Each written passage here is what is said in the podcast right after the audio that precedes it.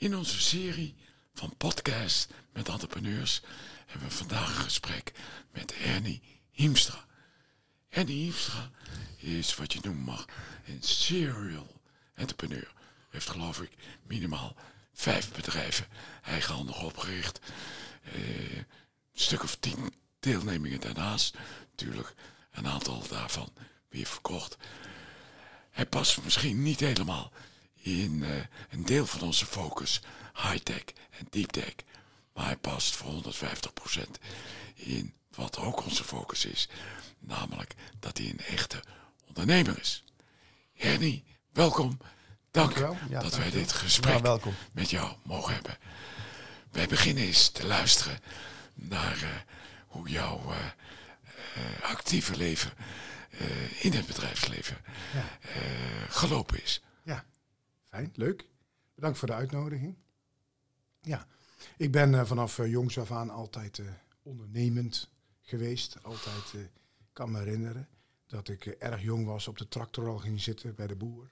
Ik nou, dat wil ik ook, hè, boer worden. Maar dat stond blijkbaar voor mij synoniem aan ondernemerschap. Hè. Die vrijheid en zelf kunnen ontdekken en opzetten en dergelijke. Ik heb wel mijn studies gevolgd, bedrijfseconomie gedaan. En uh, vanaf daaruit ben ik eigenlijk uh, meteen begonnen met uh, ondernemen. Um, je wilde niet eerst eens het vak leren bij de Philips of de Unilevers van deze wereld? Ja, precies. Die vraag kreeg ik wel een heleboel inderdaad. Van ja, je bent toch daar eigenlijk voor opgeleid. En waarom gebruik je je kennis niet om bij een groot bedrijf te gaan werken, een soort traineeship? te meer ook omdat je, als je een bedrijf begint, je hebt geen ervaring en straks mislukt het.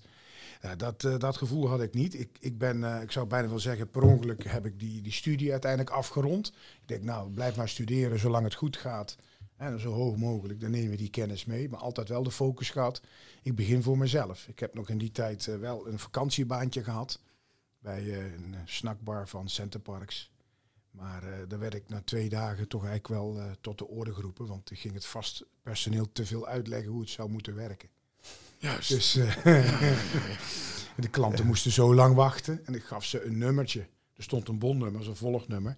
Dus na een half uur liep ik dat nummer op. Dat leek mij wel handig. Maar toen werd ik uh, naar het matje geroepen van het is hier geen slagerij. En uh, dus ik moest maar gewoon die kroketten en die frikandellen opnoemen. Ja, dus ik denk, nou dat doe ik dat. Kom ik daar een paar jaar geleden weer. Uh, bestel ik zelf een kroketje uh, bij zo'n snackbar. En nummer 323, die kroket is klaar. Hey. Uh, dus, heeft lang geduurd. Ja, heeft lang geduurd. Dat niet dat ik nou Center Parks heb gered of zo. Maar, dus ik was er eigenwijs voor. Ik heb die studie dus gedaan, ben eigen bedrijf begonnen. aanvankelijk met subsidieadviezen, want dat had ik als een soort stageopdracht gedaan. En altijd al het idee gehad, nooit het idee gehad dat ja, ik wil ondernemer worden, maar als de vraag werd gesteld waarin, dan was het voor mij altijd iets, ja, wat ik dan tegenkom waar ik markt in zie. Waar de, ik weet wel, als ik jongeling altijd zei, waar de gat in de markt is. Ja. Ik uh, keek vroeger altijd naar het programma uh, Een van de Acht van Mies Bouwman, misschien nog wel bekend. En dan komen die pakketjes voorbij. En je moest natuurlijk onthouden wat daar op die band lag. En dan kwam ook een vraagteken voorbij. Als je die vraagteken daarna noemde, dan kreeg je een verrassing. En mensen vergaten vaak die vraagteken. En voor mij is dat een beetje het beeld van, je krijgt in het leven altijd kansen. Je moet hem alleen wel grijpen. Pakken. Je moet hem pakken. Ja. En dat zie je met ondernemerschap ook. Als je dat jezelf openstelt voor ondernemerschap, dan komen de kansen voorbij. Moet je wel grijpen. Ik wil niet zeggen dat je altijd goed grijpt. Maar als je niet dan zul je nooit iets pakken natuurlijk. Hè.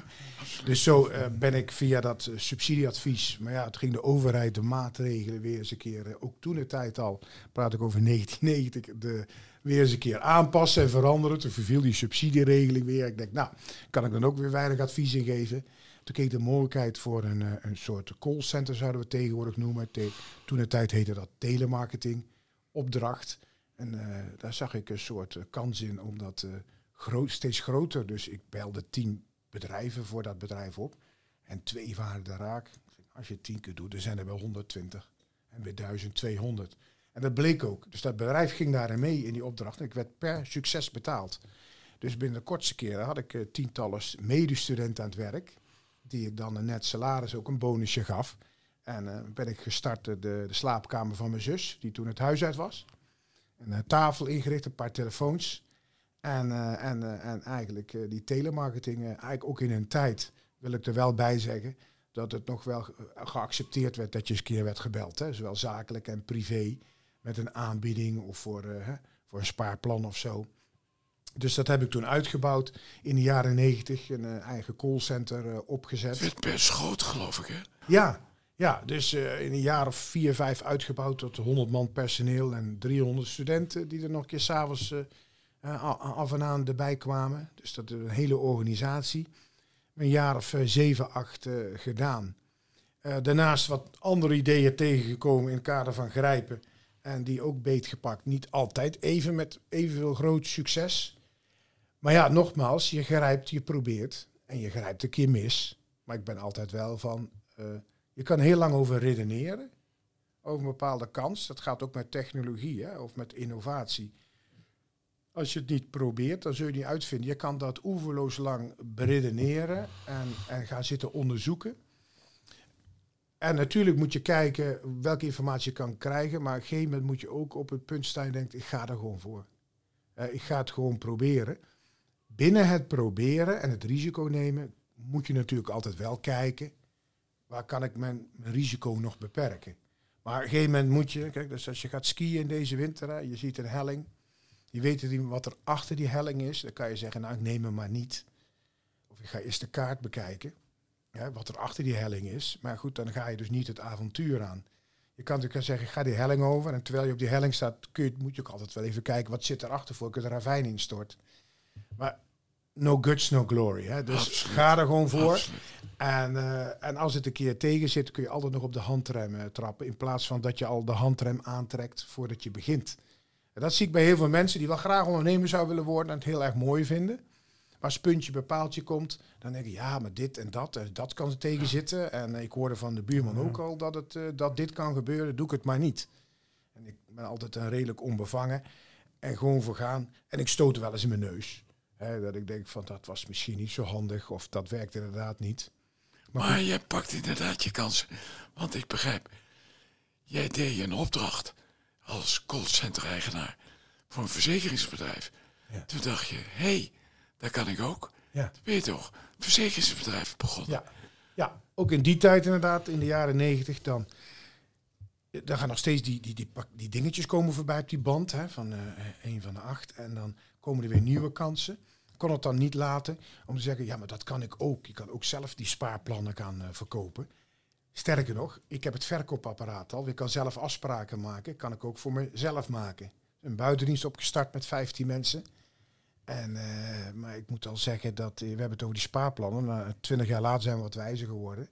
Maar dat begon in die tijd al te spelen hoor. Dat dat, eh, dat, dat heel, heel apart. Dus na, na twee, drie jaar was dat niet zo'n succes als ik gehoopt heb. en dat heb ik afgegeven. En is dat een gewoon assurantiekantoor geworden, die trouwens nog steeds bestaat. Dat is wel grappig. Ja, in een kleine vorm. Dus eh, de man die we toen hebben aangenomen, die heeft het uiteindelijk overgenomen. En eh, die heeft daar nog steeds een heel aardig assurantiebedrijf aan overgehouden. Dus vind ik altijd leuk dat je na zoveel jaar zo'n bedrijf nog terugziet. Maar uiteindelijk, eh, toen was ik jong en ehm, groeien en doorgaan. En ja, het management waren ook allemaal jonge mensen. En iedereen meende dat hij het wel wist en zijn gang kon gaan. Ja, dat ik daar niet, ik ben niet echt een bestuurder. Ik ben meer een pionier. Ik probeer eens uit en ik ga er maar iets te gemakkelijk vanuit dat als iets lukt en groter wordt, dat ik de mensen bij betrek die allemaal dezelfde ideeën hebben. Maar zelf loop je vaak wat harder dan andere mensen die erbij betrekt. En daar ga ik wel eens aan voorbij, dat vergeet ik even. Waardoor die mensen zelfs een afslag nemen. Ik denk, oh, en dan gaat het helemaal mis. Zo gebeurde dat ook bij het callcenter, dat werd zo groot. Hadden een managementteam met acht mensen. Maar ze delen alle acht hun eigen ding. En ze hadden ook weinig ervaring. Dus op een gegeven moment, toen die markt wat minder werd, gingen wij ook vrij snel onderuit. Goed, en toen kwam er toevallig, en dat zou je ook net zien, een koper om de hoek. Die zei, nou, toen hij de cijfers uiteindelijk zag, god, het is niet zoveel waard als ik gedacht had. Maar ik wil het nog steeds even goed overnemen. Dus heb ik het tegen weliswaar niet de hoofdprijs kunnen verkopen. Maar goed, dan, Maar, maar dat Ja. was toch ook op het moment dat zeg maar de, de outbound niet meer zo ja, populair was. En dan Ja. moest je je moest je omdraaien naar inbound. Ja. En dan krijg je toch een hele andere type eh, eh, organisatie. Waar, je zeg maar een serviceafdeling van een KPN gaat, eh, ga- Ja, gaat precies. worden. Ja. En dat, dat vereist natuurlijk een hele andere kwaliteit van je, van je werkers en zo. Ja, dat ook. Maar je zit bij een organisatie dat jij op een gegeven moment, en daarom vind ik mezelf niet zo'n bestuurder, eh, wel denkt van we gaan even van outbound, zoals het tegenwoordig zijn, toe naar inbound, wat meer service Ja. calls, naar Ja. acquisitie calls. Maar dat wil niet zeggen dat al die mensen dan ook even in één knip de Precies. vinger ook even omdraaien en dat allemaal kunnen en doen. Dus ik had een verkoper zitten, jij moet nu inbound verkopen. Nou, daar had er een hele studie aan verricht, maar er werd geen inbound project verkocht. Het bleef maar outbound, want die belletjes kwamen spontaan binnen. Dus je hoeft die alleen maar in te tikken. Dus kreeg ik daar niet omgedraaid. Die outbound, was echt dalende. We konden die switch niet maken. En eh, hoewel ik de switch zelf wel wilde maken, maar ik kreeg die organisatie niet mee. Ik kon het toen verkopen. En toen wel gedacht van ja, je kan allemaal wel heel hard groeien en heel veel mensen neerzetten. Maar eh, oppassen dat je op een gegeven moment, om de zaak nog te kunnen draaien. Ik merk wel, als je een bepaalde weg inslaat met het bedrijf en daar ook het personeel, dan moet je daarvan overtuigd zijn dat dat die weg ook is. Want je kan niet even, zoals je zelf even kan zeggen van, je zit op de snelweg, kom we gaan hier even wat tanken of eten, ik sla hier af. Want dat beslis je zelf als bestuurder. Maar als je een bus vol hebt met allemaal mensen, ja, die ene wil nog een stukje doorrijden, die andere wil helemaal niet stoppen. Ja, dan, moet, dan kun je zeggen dat interesseert me niet. Maar ja, dat werkt zo in een bedrijf niet. Hè. Je moet toch, want afslaan betekent ook dat die mensen dat ook willen en met jou meegaan daarin. En dat, dat vind ik wel eens ingewikkeld. Dat ik dan liever denk op een gegeven moment, ach, mijn rol is geweest als pionier. Ik geef het af. En, eh, en dan ga ik weer verder naar het volgende ideetje. Wat was dat? Dat was ergonomiek. Had ik toevallig ook opgestart tijdens die callcenter tijd. Die heb ik in, we praten alweer over ruim 20 jaar geleden, in 99 verkocht toen, de, toen de stad callcenter naar beneden ging. Was ik ergonomiek gestart. Wij eh, verkopen wij dan vergelijkbare manier ook. Wij belden business, bedrijven en gemeente of eh, overheidsinstellingen op om eens een product uit te proberen. Het ging dan over ergonomische kantoorproducten. En dan moet je denken tegenwoordig aan polsteunen, voetenbankjes, eh, ergonomische muizen, documenthouders. RSI was toen destijds ook een heel probleem. Ja, hè? ja, ja. Ja, Dat RSI dat kwam toen ook op. En daar ben je ook Ja. weer direct op ingesprongen. Ja, Ja. en we hadden natuurlijk dat belcapaciteit, dus dat gebruikte ik. En Vanuit daar denk ik, hé. Hey.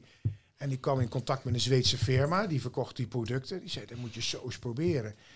En maar ik denk, je moet dat goed opvolgen. Dat als dat product bij die klant staat, dan moet je hem ook adviseren en begeleiden om dat te kopen. En dan gaan we weer, deden we dat honderd keer.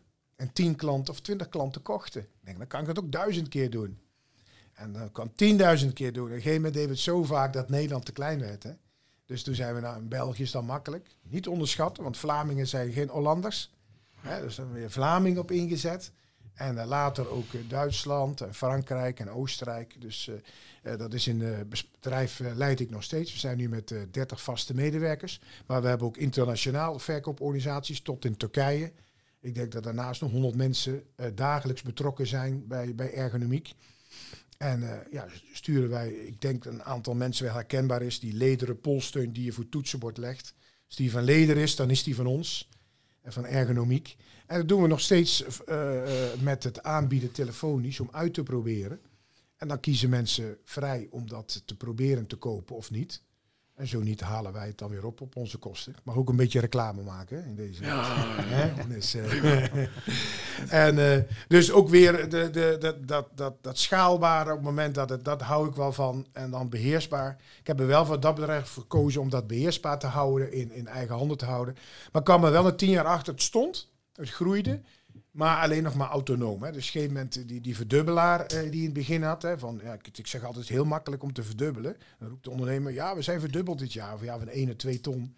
Ja, het heet ook verdubbelen. Maar ja, ga maar eens van, van 5 naar 10 miljoen omzet. Dat is andere koek. Hè? Dus wat, wat is groeien dan? Hè? Dus als je klein bent, moet je altijd kun, moet je verdubbelen.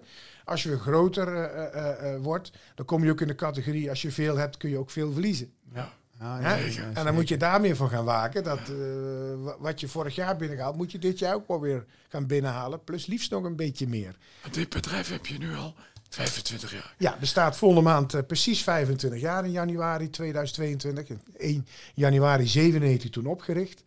Eh, maar na 10 jaar had ik daar wel eh, op een gegeven moment zoiets van dat hobbelt door. Het is gecontroleerd. Ik had een goede set eh, mensen op zitten en management. En ik had niet, eh, geen gekke dingen met spectaculaire dingen.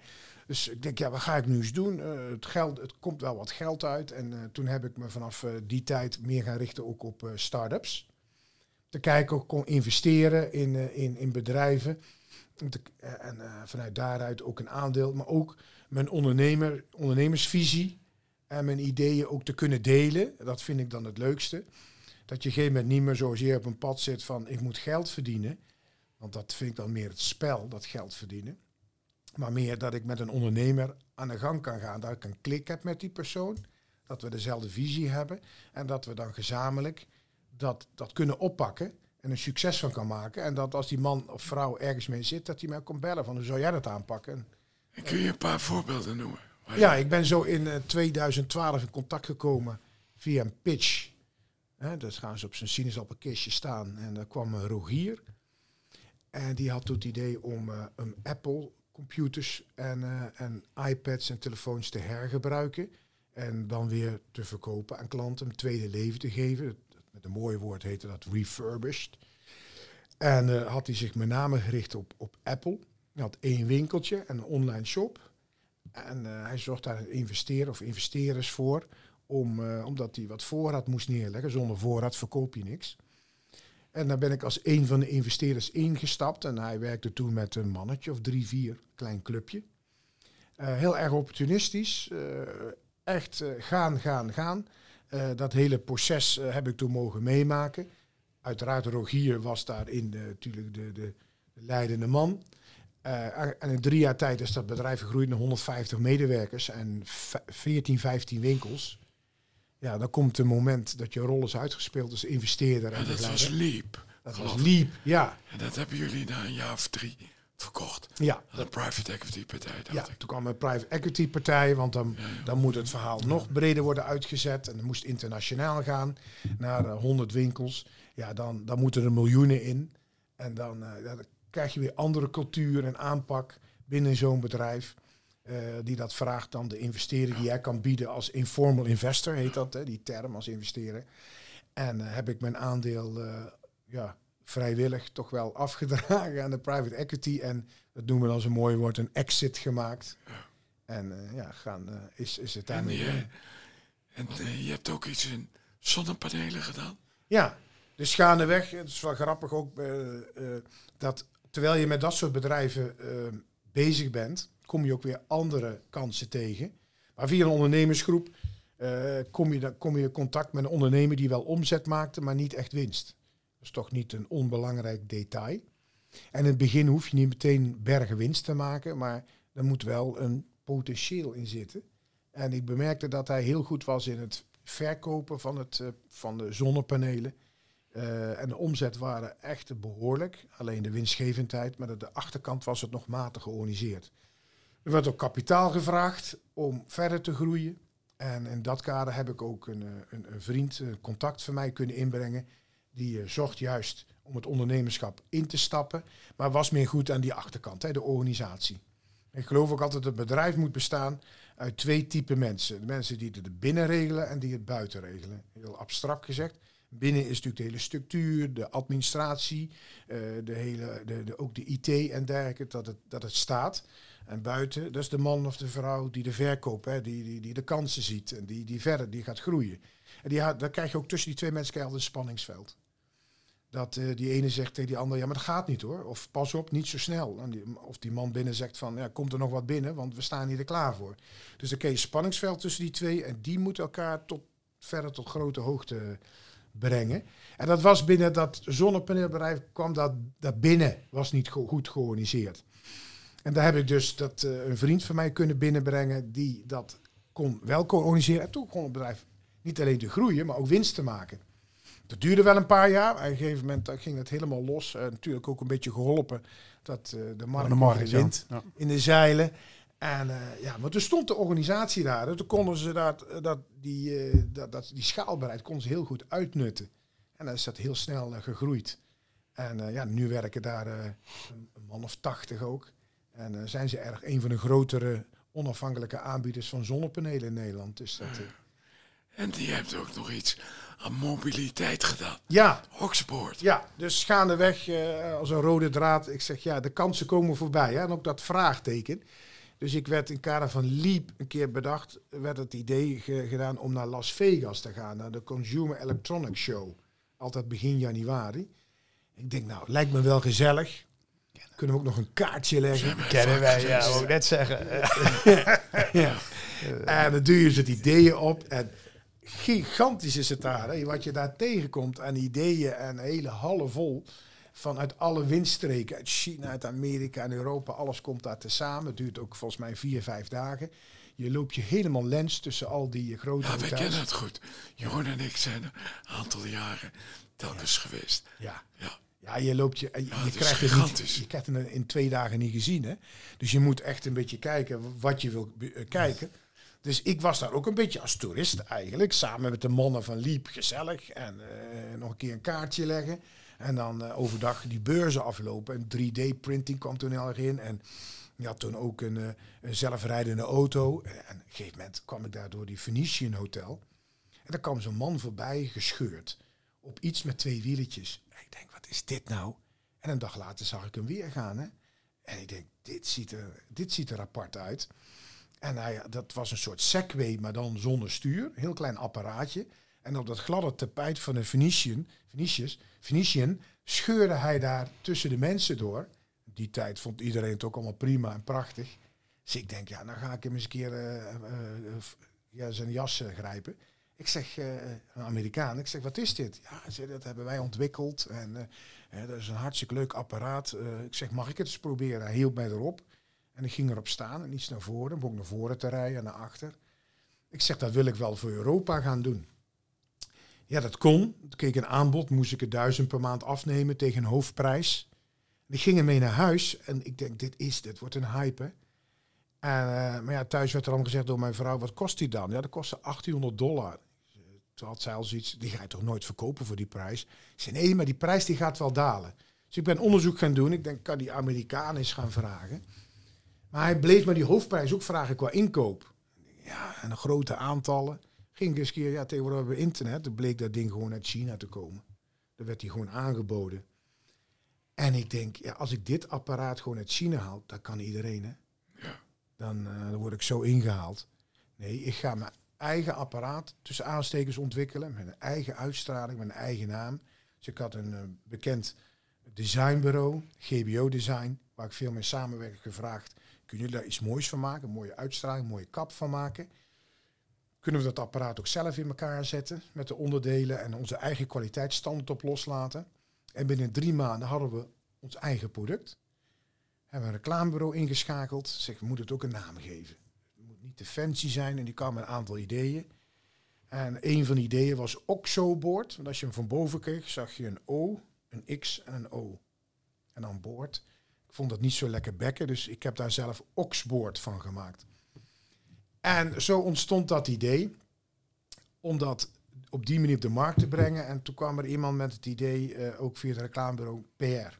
Nou, dat bleek achteraf de gouden greep, want dan gaat er zo'n bericht uit. Dat kan worden opgepikt door de media of niet. Maar dit product sprak blijkbaar zo tot de verbeelding dat het door, eh, door nu.nl en door RTL Boulevard werd het meteen groots gebracht. Als, als bijna het nieuwe, vervoer, het nieuwe vervoermiddel van de toekomst. Dus het ging helemaal viral. Ook internationaal gingen internationale media. Ik werd vanuit Amerika, zelfs uit Zuid-Afrika, Jordanië, Venezuela. Ja, eh, kan ik zo'n apparaat hebben? Kees niet aangesleept. Kwam het vliegtuig binnen met die apparaten. Kwam het, die werden dan met, per vrachtwagen bij ons in Eindhoven afgeleverd. En dan stonden de opkopers, die klanten stonden die, dat, die, die dozen uit die, uit die vrachtwagen te trekken. Van ja, die heb ik besteld, die heb ik gereserveerd. En dan was die vrachtwagen al leeg terwijl die aan het lossen was. Toen moest de volgende vliegtuig, was alweer onderweg. Ja, veel verdienen deed je niet, want die, vlieg, die vliegkosten en alles wat erbij komt en de ontwikkelkosten waren zo hoog. Omzet werd er gemaakt, maar ook kosten. Maar die hype was enorm. En eh, het werd ook in de markt steeds meer Oxboord genoemd. Alles wat erop leek was Oxboord. En ik, voor mijn gevoel heb ik die markt dan een beetje gecreëerd en ook de naam. Maar één ding in vergist, dat ik op die kwaliteit bleef zitten, op die naam en op die uitstraling en met de bijbehorende prijs. Maar op een gegeven moment word je dan toch onderuit geveegd, want er komt al dat goedkope spul toch uit China. En die werd tegen de halve prijs gedumpt bij diezelfde mediamarkt. En hadden, maakten wij reclame bij de mediamarkt, Oxboord. Want die lag op de tweede etage bovenop een plank. En als je daar binnenkwam en je vroeg de verkoper, ik zoek een Oxboord. Dat deed ik dan zelf ook wel eens. Zei ja, ja, die liggen bij de kassa. Ik zei, nee, Oxboord. Ja, bij de kassa. Ik zeg, nee, dat is geen Oxboord. Ik zoek het merk Oxboord. Nee, dat is een Oxboord. Oh, je bedoelt het merk Oxboord. Die ligt op de tweede etage op de, bovenop de plank. En er werd dus gewoon, de merknaam werd eigenlijk misbruikt. Eigenlijk, want alles was ineens Oxboord. En klanten wisten niet beter. Het was een Oxboord bij de Een kassa. soortnaam. Het werd een soortnaam en dat Ja. kan dus ook tegen je werken. Ja. Want letterlijk zei de verkoper, Oxboord ligt bij de kassa. Maar dat was dus, de, zoals de kinderen het noemen, de neppert. Ja. Maar ja, het was allemaal Oxboord. En uiteindelijk die mindere kwaliteit van die Chinezen, die vlogen ook in brand. En eh, toen vloog he- het Oxboord in brand. Dat was niet het Oxboord, dat was iets wat leek op een Oxboord. Ja, dat straalt dan ook over je uit. Hè? Dus eh, uiteindelijk is het dus ook belangrijk dat je dus niet alleen die markt hebt en oeverloos, eindeloos met kwaliteit, maar ook prijs. Pas op. Hè? Want mensen maken, eh, zijn dan weliswaar niet helemaal rationeel. Maar ja, als je de keuze hebt in de winkel, zeker consumenten, dan is iets, ja, dan ga je toch kijken, is het ongeveer hetzelfde? Ja, maar dat is een tientje goedkoper, doe die me daar maar. Daar heb ik me toen wel in vergist. Dus het is wel qua naam en uitstraling enorm succes geworden, nog steeds. Als ik nu Oxford noem, zeker de jonge generatie, die zeggen, ja, dat kennen we wel. En eh, zeker een van Amerikaans merk of zo. Dus dat, dat, Maar ze zijn nog in de handel. ja, ze zijn nog steeds in de handel. De rage is wel een beetje over. Maar de naam Oxford, die, die kent eh, half Nederland wel. Zeker de jeugdige, de jeugd en de tieners, die kennen allemaal wel Oxford. Alleen, ik zou nou niet willen zeggen dat het bedrijfseconomisch mijn grootste succes- is geweest. Maar ehm, wel eens een keer de film teruggedraaid, want ik heb de hele familie en alles, omgeving erbij betrokken. Dat, ja, als je het weer opnieuw zou doen, voor het avontuur, zou ik het wel weer gaan doen. Maar ik ben helemaal gek gemaakt die paar jaar. Je weet, ik heb er s'nachts half twee mailtjes zitten beantwoorden. Ook allemaal van bekende Nederlands. Frans Bauer wilde er eentje. En eh, Nick en Simon wilde eentje. Ik ben ben thuis geweest. Want ja, en uh, Hubert Totan hè, wil allemaal eentje hebben. In ruil voor een stukje reclame op, op eh, Facebook of zo. Dat deden ze dan ook.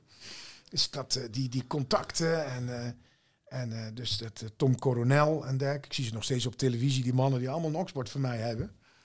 En, eh, Maar als je nu terugkijkt op alle ondernemingen die je hebt opgericht, de deelnemingen, en die je hebt en deels verkocht, deels nog hebt Ja. in portefeuille. Wat zijn nou de do's en don'ts Ja. van het ondernemen, zoals jij ze ervaren hebt? Ja, nou, om te beginnen bij eh, de do's is wat ik, eh, wat ik al even aanhaal, dat ik het belangrijk vind van dat je niet te lang moet vast blijven hangen in informatie. Hè. Ik wil niet zeggen dat je altijd maar moet gaan met de ogen, absoluut niet met de ogen dicht. Je moet je ogen wel open houden en die informatie vergaren, maar raak daar niet in verstrikt. Als je een kans ziet en je onderbuikgevoel zegt van dit is een kans, ga er ook voor. Hè? En dus eh, probeer het ook gewoon eens een keer. Eh, wel, ook tijdens weer de rit, hou je ogen open, kijk om je heen, kijken weer waar je de risico's kan beperken, hè? Waar, waar je kan, kan besparen of wat dan ook. Dus dat is voor mij absoluut eh, ook wel de kern van ondernemerschap. Ben je daarvoor niet uit het juiste hout gesneden, blijf dat ook van weg. Want je hebt, je hebt dus ondernemers en je hebt een hele groep mensen in, eh, in de wereldwijd en ook in Nederland die graag ondernemer zouden willen zijn. Maar er is niet zoiets als ondernemer worden. Volgens mij ben je ondernemer en je wordt het niet. En als je een ondernemer dan toch wordt, dan was je het blijkbaar altijd al. Dus het zit in je, het zit in je bloed. En uh, ik doe dan ook voor mijn gevoel als ondernemer dingen waarvan ik denk, ja, daar voel ik me fijn bij. Want had ik vanuit kinds af aan al, had ik al dat gevoel. Dus ik doe gewoon iets wat ik graag doe. En wat ik denk dat ik redelijk goed kan. En vanuit daaruit krijg je plezier in je werk. En moet je dat gewoon doen. Dus de, de douche is van als je ondernemer, ondernemer ben je. En als je die kans ziet, blijf om je heen kijken. Die kansen komen altijd voorbij. Die lopende band, die gaat door. Moet wel aan je handen hè, een keer uitstrekken om te grijpen. En niet vergeten dat vraagteken. Dan, uh, dan komen die kansen. En hoeft niet de eerste altijd te lukken. Het mag ook de tweede of de derde keer zijn. Want voor mij ook een, een, een van de dingen van de douche nog even, is dan als je tien dingen doet, heeft niet alleen met ondernemers start, heeft ook binnen een bedrijf of binnen een organisatie of een Ja, blijven innovatie. innoveren, ja. Ja, dat je dan Ja. dingen probeert. Maar ga er niet vanuit als je tien dingen doet, alle tien dingen lukt. Maar doe er wel tien, omdat daarvan altijd wel 1, 2, 3 waarschijnlijk, als je het goed doet, lukken. En die maken die andere zeven wel goed. Als je al je pijlen richt op dat ene, dan kan je toch wel eens de pech hebben dat dat ene niet lukt. Om dan te gaan roepen, zie je wel, het heeft allemaal niet zo gemogen, het is me niet gelukt, ik heb toch al mijn energie ingestoken. Ja, maar het, eh, hoe logisch soms ook dingen in het leven klinken, dat ene hoeft niet per se te lukken. En datgene waar, het misschien niet zo kansrijk leek, blijkt dan toch een succes te zijn. Dus dat is absoluut eh, eh, iets wat, eh, wat je moet doen. Dus de do's, de don'ts. Is dat je op een gegeven moment ook je plaats moet kennen. Dus ik ben zelf persoonlijk dan echt een pionier. Op het moment dat het op bestuur aankomt, dus je hebt een gesettelde organisatie, dan merk ik dat er andere krachten van belang komen. Dan heb ik het ook over je slaat een weg in. En dan kan jij wel die afslag nemen. Maar dat geldt niet voor je organisatie. Want niet alleen de mensen, maar ook de hele de ICT-omgeving. En bij wijze van spreken hoe de toe- stoeltjes en tafeltjes staan. Die kan je niet zomaar even omdraaien. Je, en al de mensen hebben ook zoiets van, wat gaan we nou doen? Ja, ik heb het altijd zo gedaan. En eh, daar heb ik eigenlijk geen zin in. Dus dan, dan kom je meer besturen. Dus als je een weg inslaat, dan moet je daar ook in volharden met je mensen. Of je moet iets anders, echt iets anders beginnen met andere mensen. En als je daar niet in fijn voelt, dat besturen, dat geldt voor mij persoonlijk, ja, dan moet je plaats kennen en dan moet je het afgeven. En dat kan, dat hebben we mooi geregeld in ons systeem. Dan zijn er weer andere geïnteresseerden. En dan kan je het verkopen of overdragen aan het sit management. Dat je ook weet wanneer je rol is gespeeld. Voor mij gaat de lol er een beetje af als het dan niet dit groeit, dat scalable er meer echt in zit. Dus eh, één uitzondering moet ik bij zeggen. Ik heb al 15 jaar ergonomiek. Niet meer dat dat heel hard groeit, maar doet het wel erg goed. Maar dat is voor mij mijn thuisbasis. Ik bedoel, de hele dag alleen zitten in een kamertje. Mijn zolderkamertje. Dat, eh, ik vind het wel fijn met mensen om me heen. En wat, eh, met een kop koffie erbij. Wat gedachten te wisselen. Dat kan over voetbal gaan. Of over de politiek. En natuurlijk over ondernemerschap en dergelijke. En vanuit daaruit... eh, en daarom vind ik dat, die, eh, dat informal investor vind ik wel een uitvinding. Dat je dan weer jonge of startende ondernemers kan begeleiden. Waarbij ik, en dat vind ik ook een van de do of don'ts, dat je niet te veel gefocust moet zijn bij een start-up of het product kansrijk is. Eh, zeker zo belangrijk is diegene die het beetpakt. Dus ik kijk, ik ben altijd op zoek wel naar die klik en het gevoel met die ondernemer om kijken of die een man of vrouw het gaat doen. En niet alleen of, die, of Mm. het een mooi product erbij staat. Dat je denkt, oh, dat is een gigantische markt met een prachtig product. Zit daar een man op? Dat had ik bijvoorbeeld bij Rogier weer heel erg. Hij had en een leuk Of idee. vrouw. Of vrouw, wil ik, wel, ja, daar wil ik, graag, nog- wil ik graag nog iets over zeggen. Ehm dat bij Rogier merkte ik het enthousiasme, het opportunisme dat hij voor ging. En daar had ik ook een klik mee. En dan zaten we vrij snel op één lijn. Ik vond dat hij bepaalde dingen wel heel erg hard ging. Maar hij had er wel die eigenwijze eh weg, hield hij altijd vol. En ook was tegen hem gezegd, eigenwijs is ook een vorm van wijsheid. Hè? Dus eh ondernemen moet je een beetje je eigen weg en een beetje, ja, gewoon, gewoon een beetje doordrammen af en toe. En dat vind ik ook leuk om erbij te zijn, omdat als ik wel iets tegen hem zei, dan zei hij, ja, ja, ik hoor wat je zegt, maar ik doe er niks mee, kwam het op neer. Drie maanden later had hij het wel voor aangepast. Hè. Nou, zoals ik, zeg, van, zou je niet een beetje dit? Nee, dat is niet nodig. Drie maanden later was het wel aangepast, dus kwam het toch wel binnen uiteindelijk. En dat verwijt heb ik ook wel eens gekregen. Ja, als ze tegen jou iets zeggen, dan is het altijd, nee, we doen zo en dit en dat. En dan merken ze later dat ik er toch wel iets mee gedaan heb. Dus het komt wel binnen. Hè. Dames, eh, de verwijt gaat in Informal Investor. Ik vind het wel een platform even op te roepen. Dat investors niet zou, geïnteresseerd zouden zijn of minder geïnteresseerd zouden zijn om in eh, vrouwelijke ondernemers te investeren. Ik ben daar eh, zelf erg, op, erg verbaasd over. Ik zou heel graag dames willen ondersteunen en ook willen oproepen om meer te gaan ondernemen. En blijkbaar zijn er zeker net zoveel vrouwelijke ondernemers als mannelijke. Alleen blijkbaar zou ik het willen eh, omschrijven dat die dames minder de neiging hebben om bepaalde redenen om een arm uit te steken, om dat vraagteken te pakken. Ik zou heel graag vrouwen willen ondersteunen. En dan is het verwijt aan de investeerders dat zij weinig in vrouwelijke ondernemers. Ik krijg ze zelden aangeboden. Als ze er zijn. Ik heb in de laatste tien jaar twee vrouwelijke ondernemers tegengekomen. En ik denk een paar honderd mannen.